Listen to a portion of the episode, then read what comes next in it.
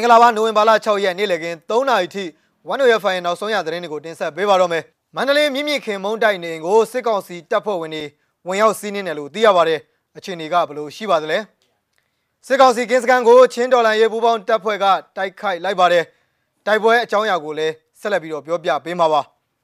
မင်းမမျိုးကရေကုန်ဆောင်ရတဲ့စီပင်ရုံးကတော့လက်လုံမိုင်းနဲ့တိုက်ခိုက်ခံလိုက်ရပါတယ်ဒီသတင်းတွေနဲ့အတူဒီကနေ့နေ့လယ်ပိုင်း3နာရီထိနောက်ဆုံးရရှိတဲ့သတင်းတွေကိုတင်ဆက်ပေးမှာပါခင်ဗျာ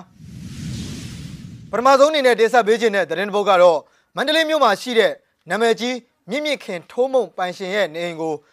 မနေ့ကနိုဝင်ဘာလ9ရက်ည9နာရီကျော်အချိန်မှာ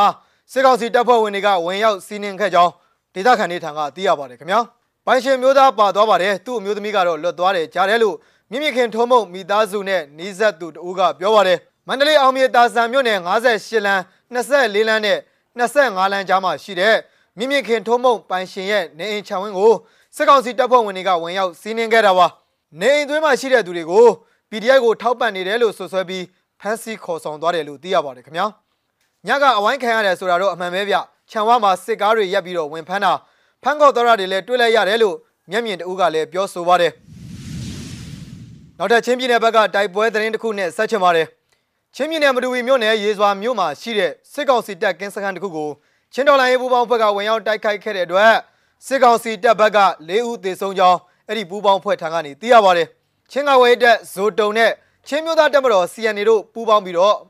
မနေ့ကနိုဝင်ဘာ9ရက်မနက်9နာရီခွဲအချိန်လောက်မှာဝင်ရောက်တိုက်ခိုက်ခဲ့တာလည်းဖြစ်ပါတယ်ခင်ဗျာမင်းတပ်မြို့မှာအထိုင်ချထားတဲ့စစ်ကောင်စီတပ်ရင်း284ရဲ့ကင်းစခန်းကိုဝင်တိုက်ခဲ့တာဖြစ်ပြီးတော့တနက်တလက်သိမ်းစီရမိခဲ့ကြောင်း CNA ရဲ့ပြောရေးဆိုခွင့်ရှိသူဆလိုင်းထက်နီကပြောပါတယ်စစ်ကောင်စီတပ်တွေချင်းပြည်နယ်မှာအင်အားတိုးချဲ့လာတဲ့အတွက်တပ်တွေနဲ့ တိုက်ပွဲတွေခက်စိတ်စိတ်ဖြစ်လာနေပါတယ်ကျွန်တော်တို့နယ်မြေဖြစ်တဲ့အတွက်နယ်မြေကျွမ်းနဲ့ကျွန်တော်တို့ကတပန်းတာတယ်တိုက်ပွဲတိုင်းမှာသူတို့ဘက်ကကြာဆုံးတာတွေရှိနေပါတယ်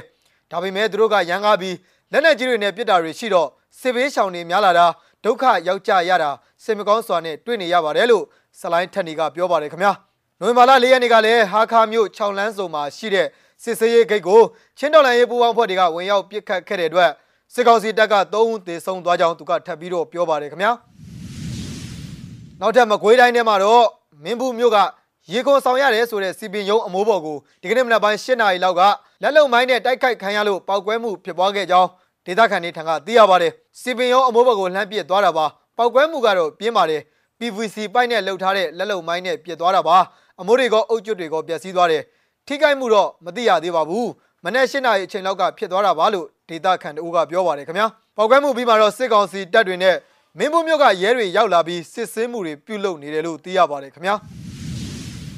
နောက်ထပ်နိုင်ငံတကာသတင်းတွေဘက်မှာတော့အီသီယိုးပီးယားမှာတီဂရေးတပုံတိုက်ခိုက်ရေးသမားတွေကမြို့တော်အက်ဒစ်အဘာဘာစီချီတက်တိုက်ခိုက်လာကြပြီးဆိုတဲ့စိုးရင်ကြောင်းချမှုတွေမြင့်တက်လာတာကြောင့်နိုင်ငံသားတွေအနေနဲ့နှောင့်နှေးခြင်းမရှိဘဲအဲ့ဒီနိုင်ငံကနေထွက်ခွာကြဖို့အမေရိကန်ကတောက်ကြနေမှာတိုက်တွန်းထားပါတယ်အီသီယိုးပီးယားလုံခြုံရေးအခြေအနေဟာအရန်ကိုအကဲဆက်နေတယ်အီသီယိုးပီးယားမှာရောက်နေတဲ့နိုင်ငံသားတွေဟာ ဖြစ်နိုင်သမျှအမြန်ထွက်ခွာဖို့အကြံပြုပါတယ်ဆိုပြီးအီသီယိုးပီးယားမှာရှိတဲ့အမေရိကန်တန်ယုံကထုတ်ပြန်ထားတာပါအမေရိကန်နိုင်ငံသားရေးဝန်ကြီးဌာနဟာအီသီယိုးပီးယားစီမသွားကြဖို့နဲ့ရောက်နေကြရင်လည်းထွက်ခွာလာကြဖို့နိုင်ငံသားတွေကိုဒီသတင်းတစ်ပတ်အစောပိုင်းမှာသတိပေးထားတာလည်းဖြစ်ပါတယ်အီသီယိုးပီးယားနဲ့ရင်ဆိုင်တိုက်ပွဲဖြစ်နေတဲ့တပုံအုပ်စု၉ခုက